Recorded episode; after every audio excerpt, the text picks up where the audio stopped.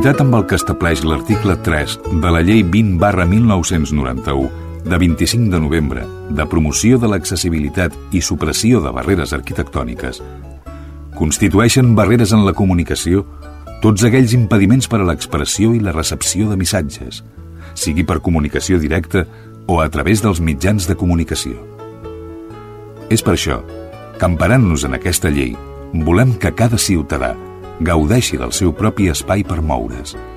Un espai sense censura. Un espai en què vosaltres sigueu els protagonistes.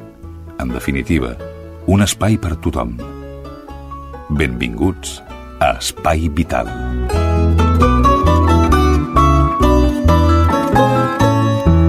Senyores, senyors, què tal com estan? Benvinguts, ben trobats a la sintonia d'Espai Vital.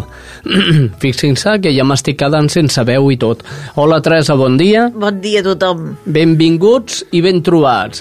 Jordi Puy, el Chiquitín, que és el nostre cercador, el Jordi Condal, que avui també el portarem eh, eh, amb un xiquet de poesia, que sempre va bé, la cultura dintre de l'espai vital. Si l'altre dia vaig escoltar. Ah, i, i bo. Sí, I era, bo. de, que, ja ho saps de és què era? diferent, és diferent. Sí, era de la vaca cega. Sí, senyor. I estava molt bé. Clar, perquè mitjançant una vaca cega et Clar. compara amb les persones. Home, és per anar a buscar el menjar, topava pobra bèstia tot arreu. No, no em va fer gràcia. Molt bé, tinc una cosa que anunciar-vos i és que eh, degut a no aquesta setmana passada, sinó l'anterior, eh, que vam parlar de fibromiàlgia i, i fatiga crònica, no van estar prou informats la gent que ens van escoltar. I una persona m'ha enviat un correu electrònic demanant-me que, si plau tornéssim a parlar de la fibromiàlgia i la fatiga crònica. Doncs molt bé, Espai Vital es posa en marxa i ha fet mm, doncs, el següent reportatge. Escolteu-lo.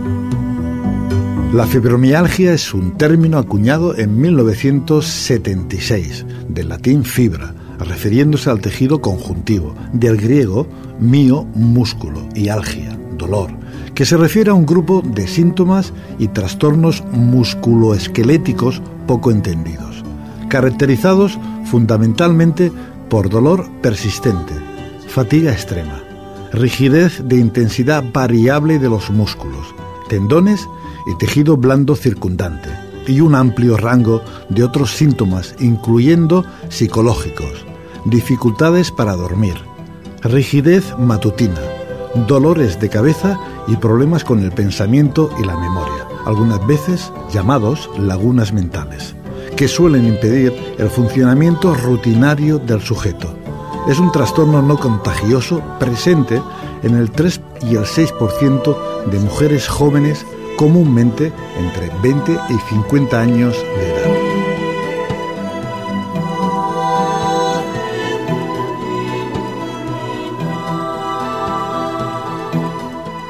La fibromialgia es considerado un diagnóstico controvertido, algunos autores alegando que no es una enfermedad, debido en parte a la falta de anormalidades en el examen físico, exámenes de laboratorio objetivos o estudios de imágenes médicas para confirmar el diagnóstico, aunque históricamente ha sido considerada un trastorno musculoesquelético y neuropsiquiátrico. Las evidencias de investigaciones realizadas en las últimas tres décadas han puesto de manifiesto alteraciones en el sistema nervioso central que afectan a regiones del cerebro que pueden estar vinculadas tanto a los síntomas clínicos y a fenómenos descubiertos durante investigaciones clínicas. Aunque todavía no existe una cura universalmente aceptada para la fibromialgia, hay tratamientos que han demostrado durante ensayos clínicos controlados ser eficaces en la reducción de los síntomas, incluyendo ciertos fármacos, la educación del paciente, el ejercicio y las terapias conductuales. Gràcies, Manel Ibarro, per aquesta explicació que, de fet, jo crec que ha estat una explicació correcta. Però no ens parem aquí, seguim una miqueta més. A Ràdio Barberà, el seu director, mm, la persona que porta el programa als matins de Ràdio Barberà, es diu eh, Lluís Ricard, i ell sí que va tocar aquest tema, i ho va tocar amb l'associació Fibro Barberà. Escoltem-la. L'entitat es diu Fibro Barberà i estan nosaltres eh, la Carmen Navarro. Sóc jo, ella.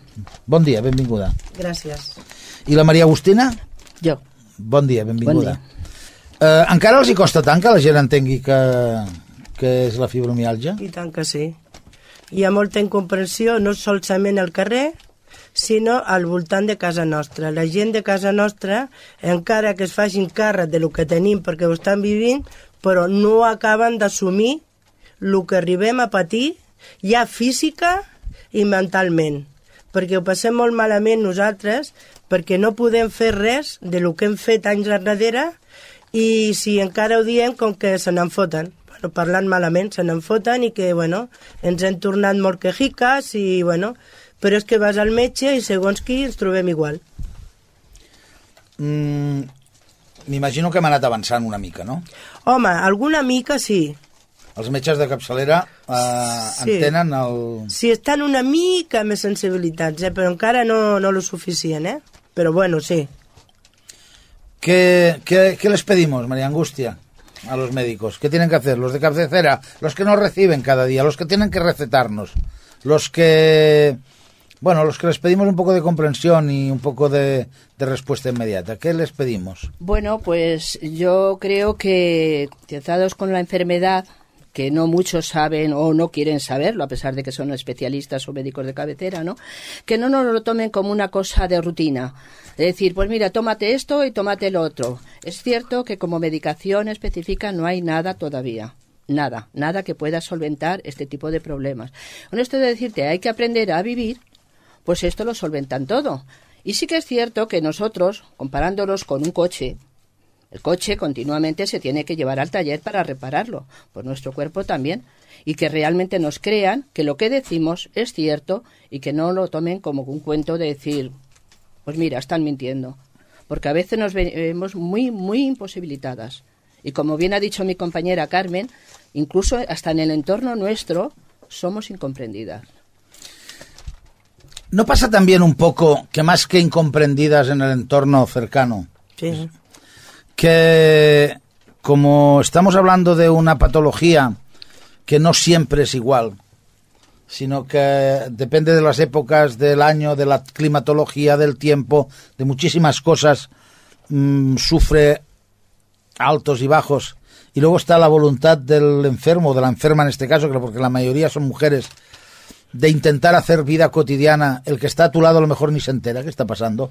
Y sin querer se le olvida y, y dice, ostras, ¿no, ¿no pasa eso también un poco?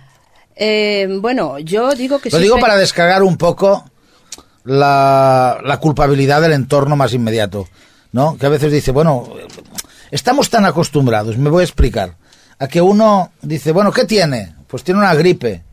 Y al cabo de 10 días se ha curado de la gripe. Y luego, ¿qué tiene? Pues tiene, yo qué sé, hepatitis, pero se- al cabo de un tiempo no sé qué. Esto, claro, esto es una enfermedad que dices, bueno, ya la, ya la tiene. Esto es crónico. Claro, ya, ya la tiene, siempre la tiene. Y a veces uno... Lo que pasa que esto tiene sus brotes en, su, en los cambios de estaciones ¿eh? y los brotes donde te pilla, pues te machaca ese tiempo. Que te pilla un pie, pues vas coja X tiempo porque solo puedes tomar antiinflamatorios y puedes tomar antidepresivos porque eso produce depresión y grande. Y luego también tienes que tomar mm, calmantes, paracetamol o nobrofeno. Punto. No podemos tomar otra cosa. Y eso, pues bueno, te. Bueno, te calma. ¿Qué- ¿Para qué os sirve la asociación? Bueno, en principio esto es una asociación eh, que lleva aquí en Barberá pues poco tiempo, como mm, propia, Fibro eh, como propia. Teníamos una subsede que dependíamos del fam- De Fibrobais. de Fibrobais, que es del Val Llobregat. De Vall Llobregat. ¿no? Y bueno, nosotros hicimos un grupo y llevábamos esta su delegación. ¿De qué nos sirve? Pues para desahogarnos nosotras mismas, no como pena diaria, ¿no? Pero sí, pues lo que bien decimos, en lo cotidiano, ¿no? El día que nos vemos, pues fíjate qué día llevo, qué semana, qué no sé qué, que no sé... Y no todos los días, también contamos alegrías, porque claro, siempre, siempre con las penas, esto es aburrido, ¿no? Pero que nos sirve como desahogo personal en lo que vuelvo a repetir, en el entorno familiar, a pesar de lo que saben que tenemos, pues nos vemos incomprendidas. Y ahí nos comprendemos unas a otras, perfectamente. Eh, quizà, potser el fet d'estalviar-te d'explicar el que tens ajuda molt. És a dir, quan et trobes amb la gent de veure, l'associació, hi ha moments que no cal que els expliquis, tothom ho sap, sap, no? però Clar. hi ha moments que tu necessites compartir amb una persona que tingui el mateix que tu, que te comprengui quan li expliquen mira, avui m'he llevat i no puc moure. I clar, l'altra persona que en aquell moment no ho tingui, ella ho comprèn perquè en alguna ocasió ella s'ha trobat. I això es fa que quan nosaltres ens reunim i ve gent nova, eh, la gent aquell dia li diem que s'esplai, no? que eh, digui tot el que ella sent, com s'ha sentit, com l'han tratat i tot. I després ja em, la mentalitzem a que allà tenim de parlar de coses vale, de l'enfermetat, però de coses més aviat que nosaltres, i és com una teràpia que fem, perquè la una diu, mira, jo això, això, i cada una va portant el que pot. Eh, hi ha dones que tenen vergonya de dir que tenen fibromialgia? Entre nosotras no. Entre jo no. Nosotras no. Lo que sí que realmente hi fa com, com amb aquella mena... Jo, jo, jo, vostè m'ha entès perfectament, Sí, sí, no? jo Quan sí, jo sí, tant que sí. Quan he dit així, ho dic en el sentit de dir, com que és una enfermetat que no... És a dir, abans ho dèiem, no? Eh, no és una enfermetat que no té un, una manera molt determinada de dir com és i com deixa de ser, ni un va coix, ni un No, claro, va amb, sí. amb crosser, potser en un moment determinat ha d'anar amb crosser, ha d'anar amb un bastó, Sí, i ha bueno. tal, però això és puntual. Això és puntual. Clar, eh, doncs hi ha gent que diu, és que clar, no m'atreveixo a dir-ho, em fa vergonya dir-ho, perquè com que la gent no s'ho creu, no? I és veritat, i és veritat. I a vegades, segons com qui li dius, tinc fibromialgia, uh, mare de Déu, tothom té això. Ara tothom, qualsevol cosa, dic, no, home, no. Per tindre aquesta enfermetat s'han de fer unes proves i s'ha de, s'ha de sortir amb un reumatòleg i com Déu mana. No perquè a mi em faci mal l'esquena és que ja tingui això. Que, ojo, que nosaltres tenim tot, tots els ossos i a més a més tenim l'enfermetat. Sí, sí, a part... A part. Clar, és no, que, no, clar, que tenim tot, eh? clar, diu, és No, que a no. part de la fibromialgia Claro, claro. tinc, eh, soc, tinc, reu, tinc reuma o tinc, No, eh, això, o tinc eh, els això dolors que té representa tothom. que és lo normal de, qual, de segons quina edat anem tenint. Però és que a part de tot el que té tothom, tenim la fibromialgia i el síndrome de fatiga crònica. Els tallers que organitzeu, Sí. tallers eh, de teràpia de gestalt, teatre, teatre terapèutic, treball corporal, relaxació i respiració, totes aquestes coses, eh, us heu, heu comprovat de que són positives? Sí, sí. Perquè mm, la, la, la, això de gestal, això va molt bé, perquè un, eh, quan està fent la classe, et trobes mm, molt arropada amb la gent i fas coses que, que a la millor no, no podries fer, però t'animes amb la gent perquè hi ha vegades que no et trobes bé, però quan surts d'allà surt millor. La microgimnàstica, per exemple, això és boníssim, perquè són moviments molt suaus, que és el que nosaltres podem fer. Eh, anem a fer una cosa. Mm, és bo, la gent ja sap que... En fi, de, de fet, avui voldríem una mica que la gent s'assabentés d'aquest Sí, estiu, sí. que com a entitat esteu aquí. Eh, direm, a veure, on us poden trobar? Al Casal de Cultura, Mm. els divendres, de 6 a 7 i mitja. Ara vull que m'expliqueu, i que expliquem als que ens escolten, eh, com voleu que es comportin els de, la, els de casa, els de l'entorn, els amics, això amb vosaltres. Com us agradaria que us comportessin amb vosaltres? com si fossin persones normals, eh? però sempre fent-se el càrrec del que tenim. Que si alguna cosa no la fem, no és perquè no vulguem fer-la, és perquè no podem fer-la. Però no volem que ens considerin com si fóssim una minusvalia o qualsevol cosa, no. Nosaltres és que volem fer el que hem fet sempre. I volem que la gent, l'entorn entengui que no ho fem perquè no podem, no perquè no volguéssim, no, perquè no podem fer-ho.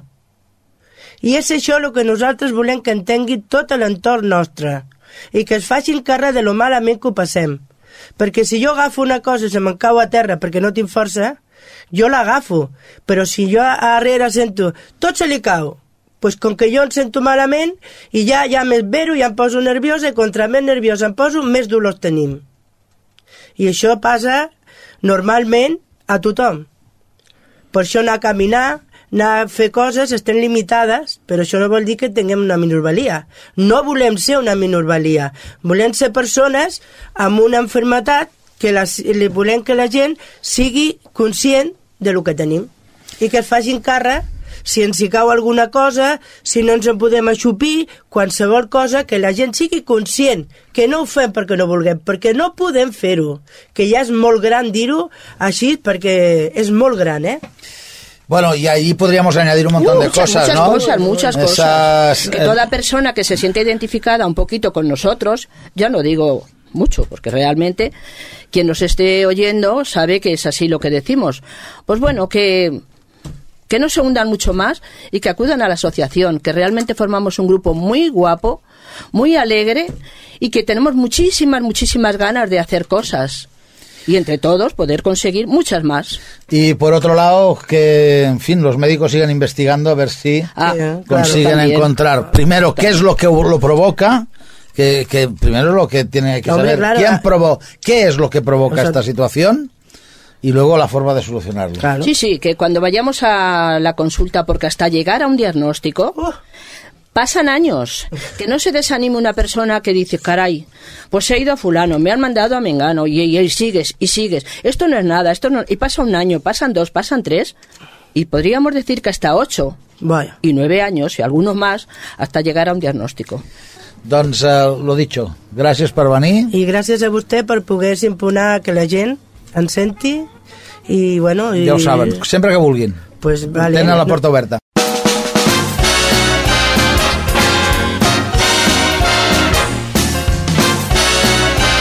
Espai Vital, el primer programa adaptat de les zones.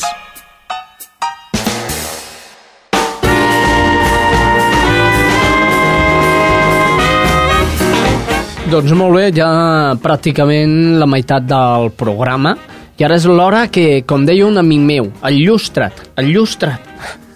Il·lustra't amb, amb, amb una pila de lletres, poemes, històries que ens porta. Com sempre, al nostre espai del Jordi Condal, el poeta coix. Som-hi.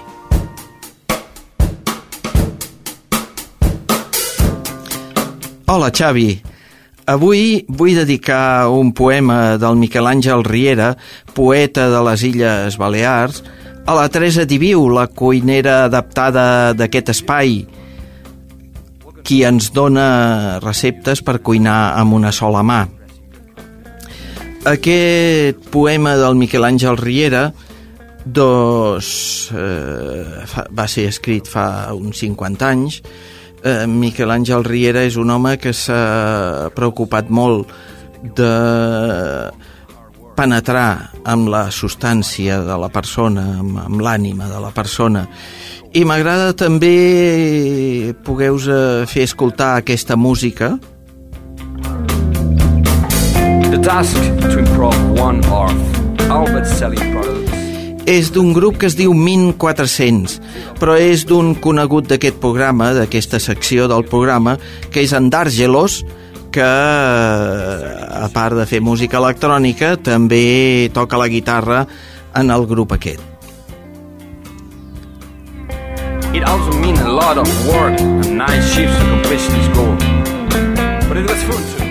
Signaré, amb creu de guix, el pam de terra erma, per on pelluquen viure, asseguts a l'esglaó de la vora via, o perduts pel laberint de les cantonades humides, immòbils al portal orinat que mai no travessen les alegries?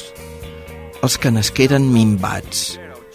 El nan, el coix, el que té la cara de fetus, el que té les orelles travessades per la claror, el que té el gest pàl·lid, el que du les mosques com a expressió de la cara, el que té el cap que li trabuca, el que s'embruta el pantaló sense adonar-se'n, el que té gep i mira amb tristor els excursionistes amb motxilla, el gran dotàs que té la veu de nina, el mut, el sec, el sec i mut, el que té el cor a la dreta, el que està compromès a viure dins d'un llit de posts, el que té una salut que rebenta i rebenta, el que té el falus micoi i gira la conversa quan es parla de dones, el que té el nom escrit a la llista municipal dels marietes, el que tremola, el que té els dos peus escarrans, el tartamús, el que du posada cadira de rodes. I tots quants, sense saber per què, ens han donat avantatge.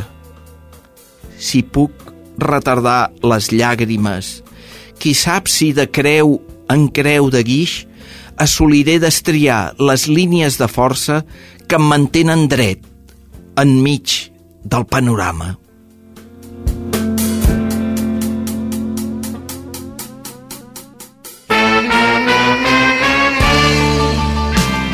Això és Espai Vital.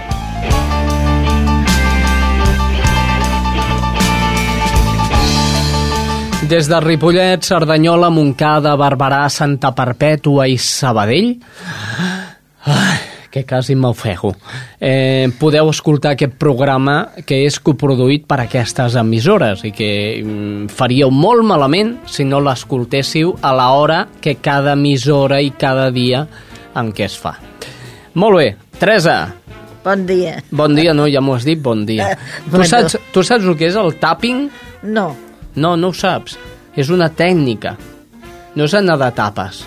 no, no, el, ja, deu ser algo d'ordinador. No pas, no, no, no, No. no. Mira, mm, fem una cosa. Escolta aquesta entrevista que ens arriba des de Ràdio Santa Perpètua, la nostra companya Estrella Núñez, que realitza una entrevista per saber precisament això.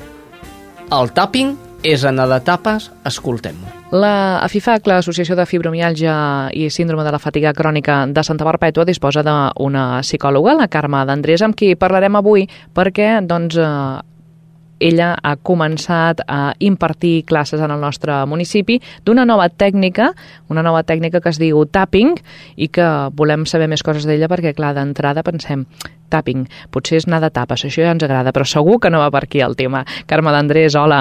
Hola, bon dia. No va per aquí, oi? No va per aquí, no, de cap manera.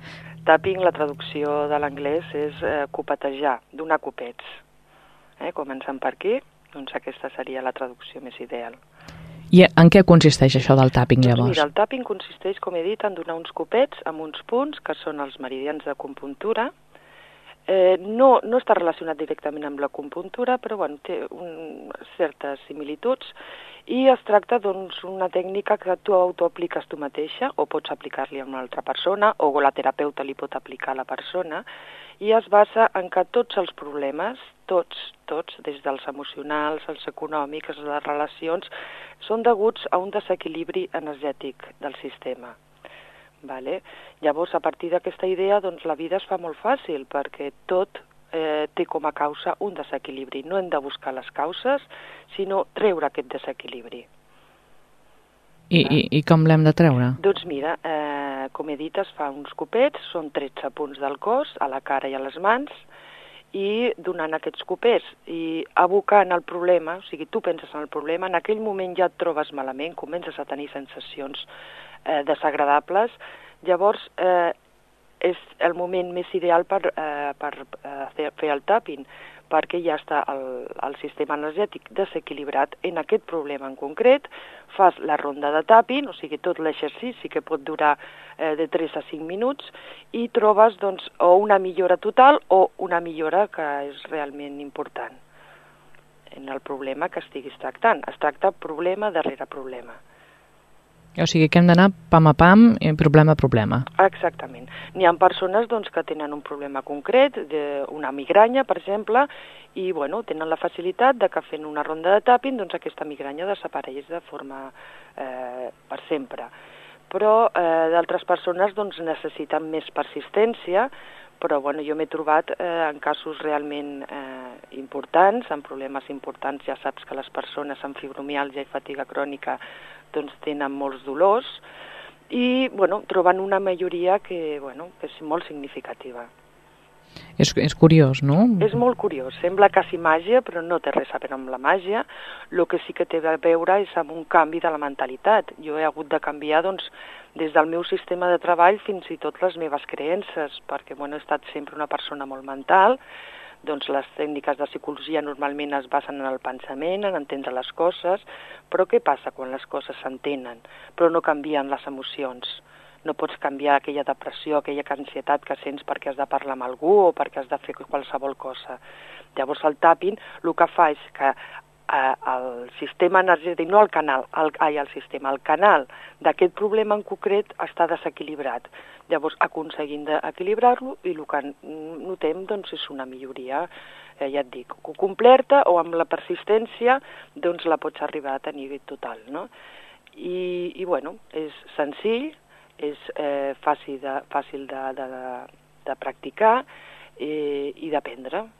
Mm? És ràpid, no té contraindicacions, sembla fins i tot miraculós, però bueno, després ens topem amb, amb les persones i les persones ens costa reconèixer els problemes, ens costa tenir certa constància per fer les coses i una cosa molt important, ens costa ser responsables de la nostra pròpia vida i les nostres dificultats. Sempre busquem les respostes fora de nosaltres. I llavors això vol dir que per l'experiència que tu tens, Carme, eh, s'aprèn de seguida a trobar aquells 13 punts per, per poder fer el tapping?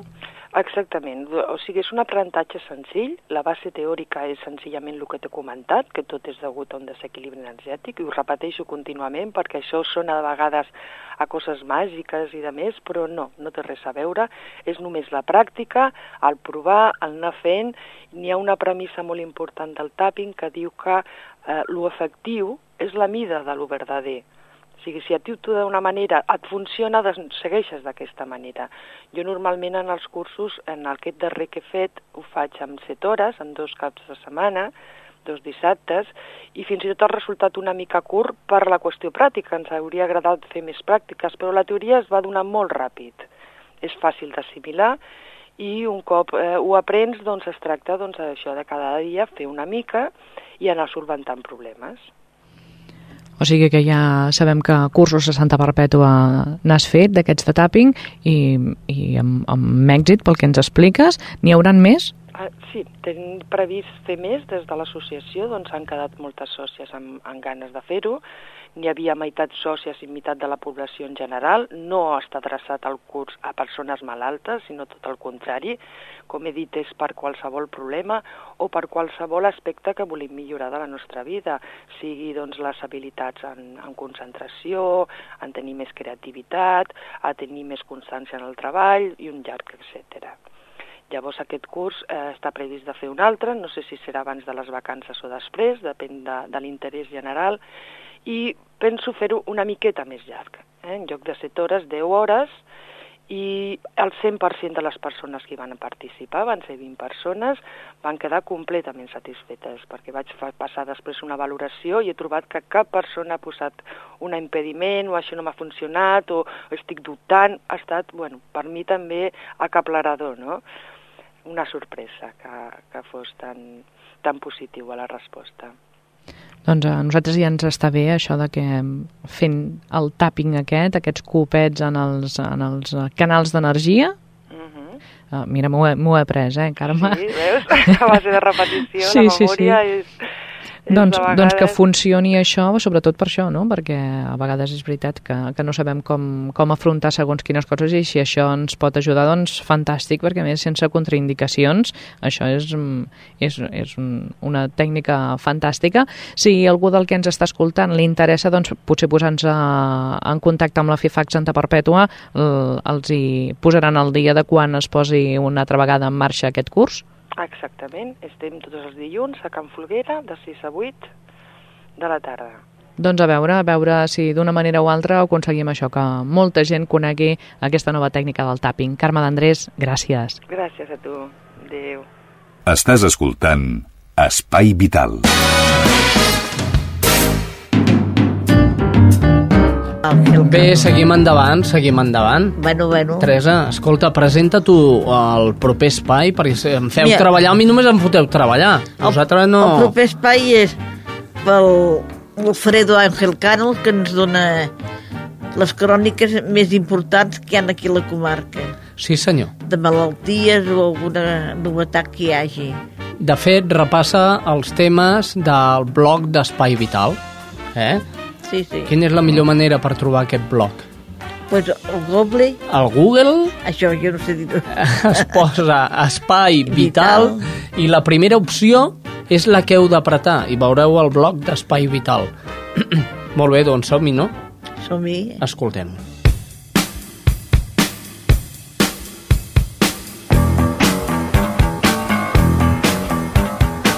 Hola Xavi, te traigo dos noticias. La primera es, en España el primer, se practicará el primer trasplante de piernas doble del mundo. Un paciente con amputación de las dos piernas que no tolera las prótesis será el beneficiario del primer trasplante doble de extremidades inferiores del mundo, que se realizará en el Hospital La Fe de Valencia, según lo auto- autorizado este miércoles por la Organización Nacional de Trasplantes ONETE. El informe favorable destaca que el paciente que sufre una amputación bilateral de las piernas carece de alternativa, puesto que no tolera las prótesis. El Hospital de la Fe realizará la intervención en colaboración con la Fundación Pedro Cábadas, que encabezará el equipo de cirujanos. El resto de profesionales sanitarios pertenecen a la plantilla de la red de Hospital Valenciano. La segunda noticia que te traigo son huertos terapéuticos, donde la farmacología no puede llegar. La farmacología no puede ser la única herramienta con la que nos enfrentamos a la enfermedad. Desde luego que es la más fácil y provechosa para los laboratorios, pero hay otras alternativas que atienden de una forma integral a la persona y que tienen unos efectos a las pastillas que no pueden conseguir.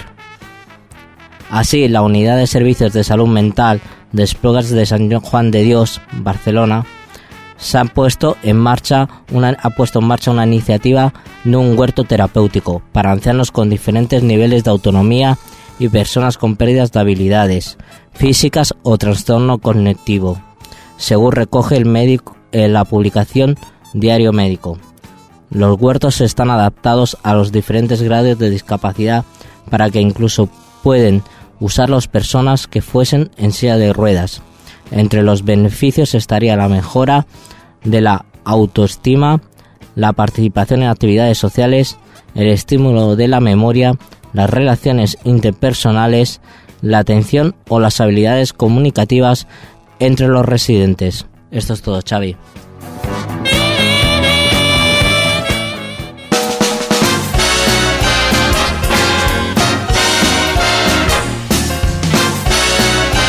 Espai Vital, el primer programa adaptat de les zones.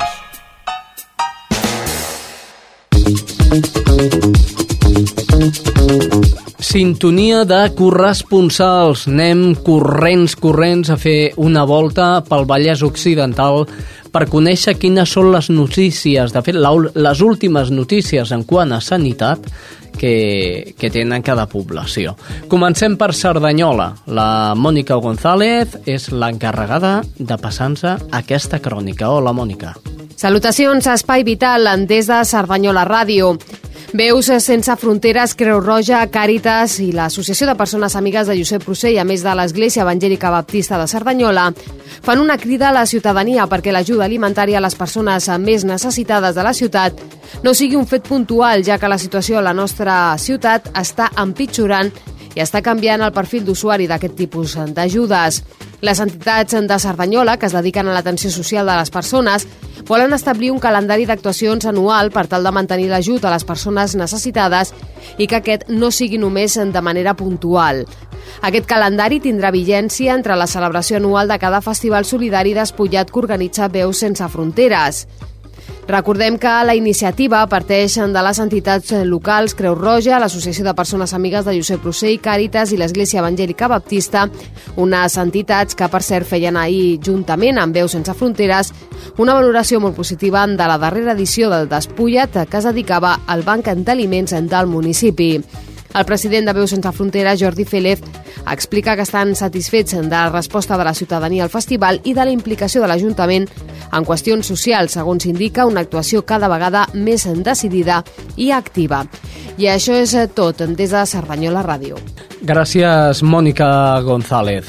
Anem corrent cap a Ripollet. Allà es troba una de les membres de l'informatiu de Ripollet Ràdio. Ella és Laia Prats i ens porta aquesta crònica. Hola, Xavi. Avui des de Ripollet t'expliquem que un any més i coincidint amb l'arribada de l'estiu i les altes temperatures, l'Ajuntament de Ripollet, a través de la Regidoria de Salut Pública, posa en marxa la campanya Planta cara a la calor 2010. Enguany, la iniciativa torna a comptar amb la col·laboració d'Aigua de Viladrau i els laboratoris Avent i es repartiran mostres de crema fotoprotectora i ampolles d'aigua entre la població de més risc, com són els infants i la gent gran, així com ventalls i consells per evitar els efectes de la onada de calor i l'exposició protecció solar inadequada. Així recomanen no deshidratar-se bevent aigua sense esperar tenir set, evitar sortir al carrer en les hores de més calor, limitar l'activitat física i portar roba lleugera, així com refrescar l'ambient de casa amb ventiladors o aire condicionat. També recorden que s'ha de tenir cura amb el sol, utilitzant cremes protectores, evitant l'exposició directa entre les 12 del migdia i les 4 de la tarda i utilitzant ulleres de sol amb filtre. I això és tot, fins la setmana vinent. Fins la setmana vinent, Laia, gràcies per aquesta crònica des de Ripollet Ràdio. Ràdio. Doncs d'una punta cap a una altra. Anem a Barberà. Allà es troba la Judit González, que ens don la crònica. No diguis res, no? No, no, no diré res. No diguis res. La crònica és la crònica, la que toca. Escoltem a la Judit.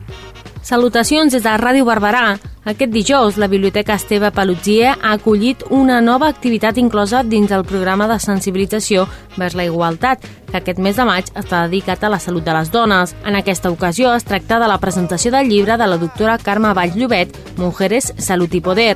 La salut, en especial la de les dones, ha estat mediatitzada per les relacions de poder dins la cultura patriarcal com el procés de victimització de les pacients.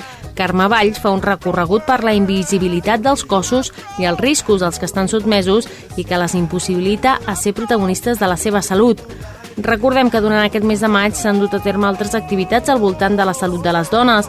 Així, el passat dia 4, l'Associació per la Igualtat Dones.com va realitzar el Cafè Tertúlia Estimar-se menjant bé, bo i sa l'alimentació en les dones, on es va reflexionar entorn l'alimentació sana, equilibrada, variada i plaent.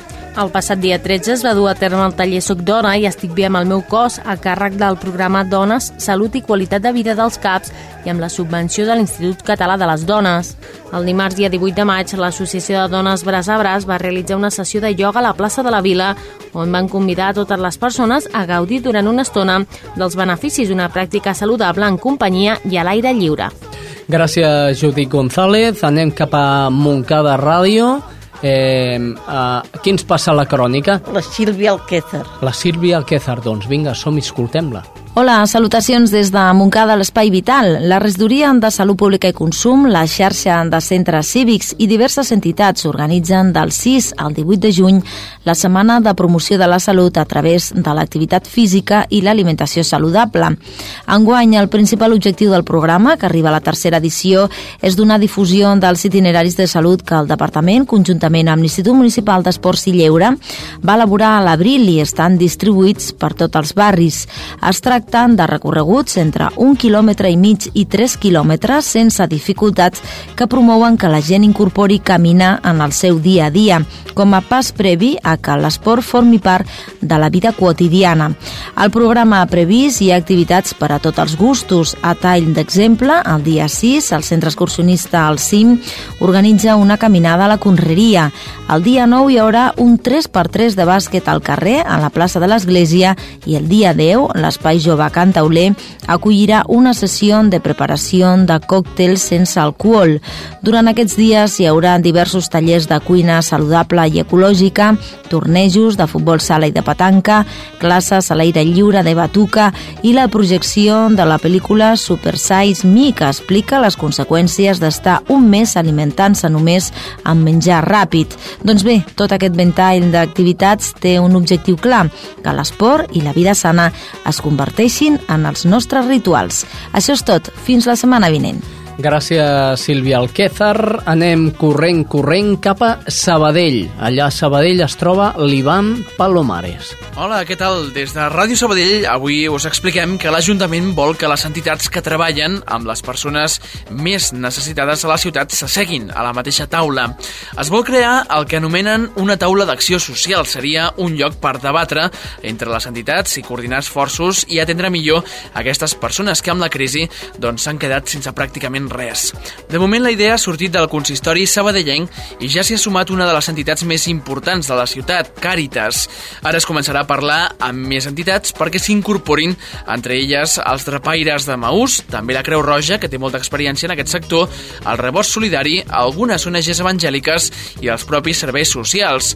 Les converses començaran ara amb la vista posada a mitjans del mes que ve, a mitjans de juny, quan s'hauria de constituir aquesta taula de coordinació. L'objectiu és començar a atendre aquestes persones el més aviat possible oferint-los tots els serveis que necessitin.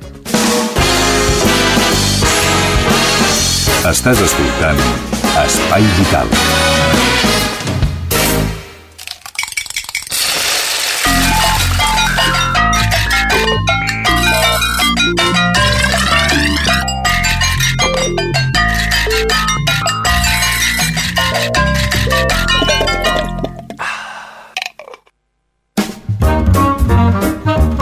Molt bé, doncs ja ha arribat l'hora. Eh? Porta tota, tota l'hora esperant a dir la recepta de cuina i em deia, estic nerviosa, estic ner... Doncs ja està. Ja està, ja som aquí. Quin plat ens faràs avui? Pues mira, un, un plat per ara a l'estiu, hasta per la canalleta perquè comencin a menjar de tot, Mm -hmm. una amanida de colors. Amanida de colors. Ingredients. Ingredients. 300 grams de cigrons cuits, Bé. 200 grams de llenties cuites. Mm -hmm. En els congelats agafeu 100 grams de blat de moro, d'aquell Ah. de menjar, un blat de moro que hi ha que es menja i és dolcet. Mm. Una llauna de tun, Sí. una de pebrot, un parell de tomàquets, una ceba tendra o de les altres, com vulgueu. Olives, doncs poseu de negres i de verdes. Pebrot ja he dit, una, una llauna de pebrot i una de tun, no sé si ho havia dit. Sí, ho has dit, ho has dit. Sí. Oli, sal, vinagre, farem una vinagreta mm. i un dent d'all picat, si no agafeu d'aquell congelats, també que n'hi han de picats. Molt I ja bé, està. doncs ja està. Per la preparació. Preparació. Posem un bol, allò gros, posem els cigrons, les llenties... Ah, un ou dur, veus que m'havia deixat alguna ai, ai, Tu no, no em llegeixes perquè jo no, m'hi No. veig ja. Posem en el bol els cigrons, les llenties i l'ou dur, Mm -hmm. l'atún, Sí. les olives, bueno, tot. Agafeu el pebrot i el talleu allò a trossets també. Diguem que això seria una ensaladilla, Com no? una ensaladilla, menys? sí. Uh -huh. Per comptes de patates, doncs fem cigrons i llenties, que és Sí. molt sa. Molt bé. Doncs l'atún, si tot... Que fem per fer la vinagreta, Mm. que fem un tomàquet ben madur i el ratllem. I posem l'all picat allà dintre també.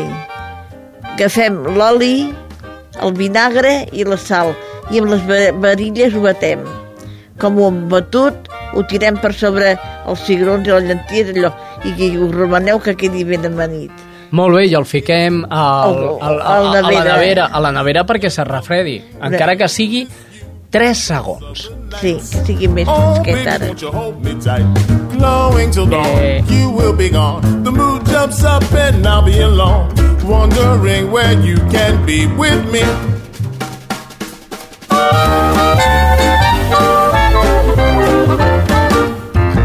Doncs molt bé, ja està fet. Mira, aquesta cançó que posarem Sí. la dediquem al poeta Cuix. Ah, que aquí hi ha, aquí hi ha alguna eh? Aquí hi ha Ah, alguna cosa. Home, pobret que s'ha d'animar, també. Ah, això, això no pot ser.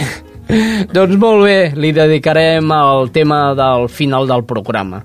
Gràcies, Teresa Diviu. A vosaltres. Que dinis de gust. A vosaltres també. Però de gust, de gust. Sí, no, no, mira, ja ho crec. No em diu res, eh? No em diu no, que vingui no. a dinar. No, no em ah, diu mira, res. si ja pots venir.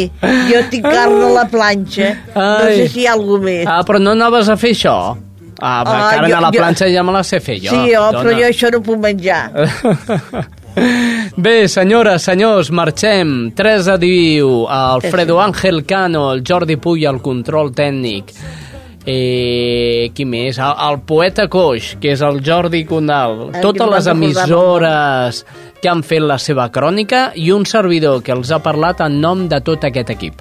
El Xavi Casar. La setmana vinent hi tornem, però no es descuidin que d'aquí a poc agafem vacances. Mm, mm, no en faltin. Adeu.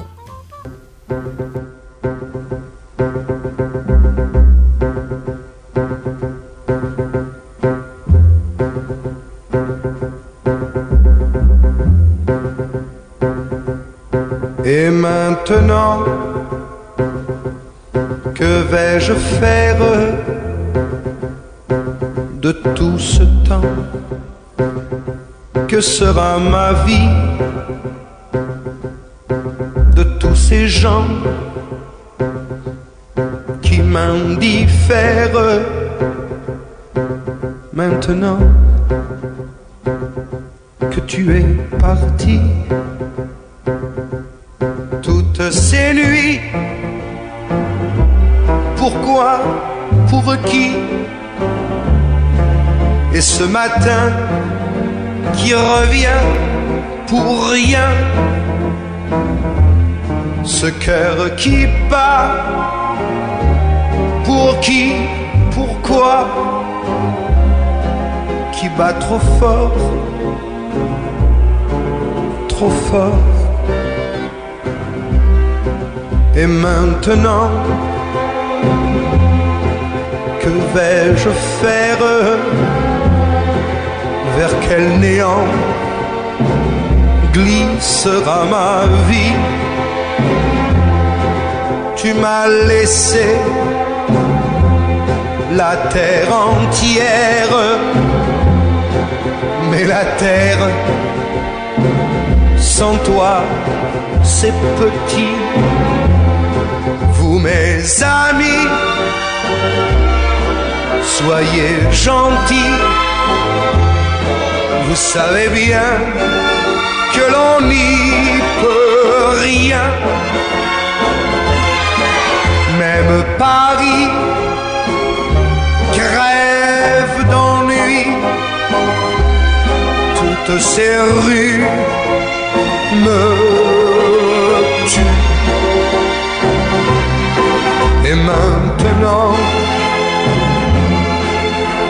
vais-je faire? Je vais en rire pour ne plus pleurer. Je vais brûler des nuits entières au matin. Je te haïrai et puis un soir,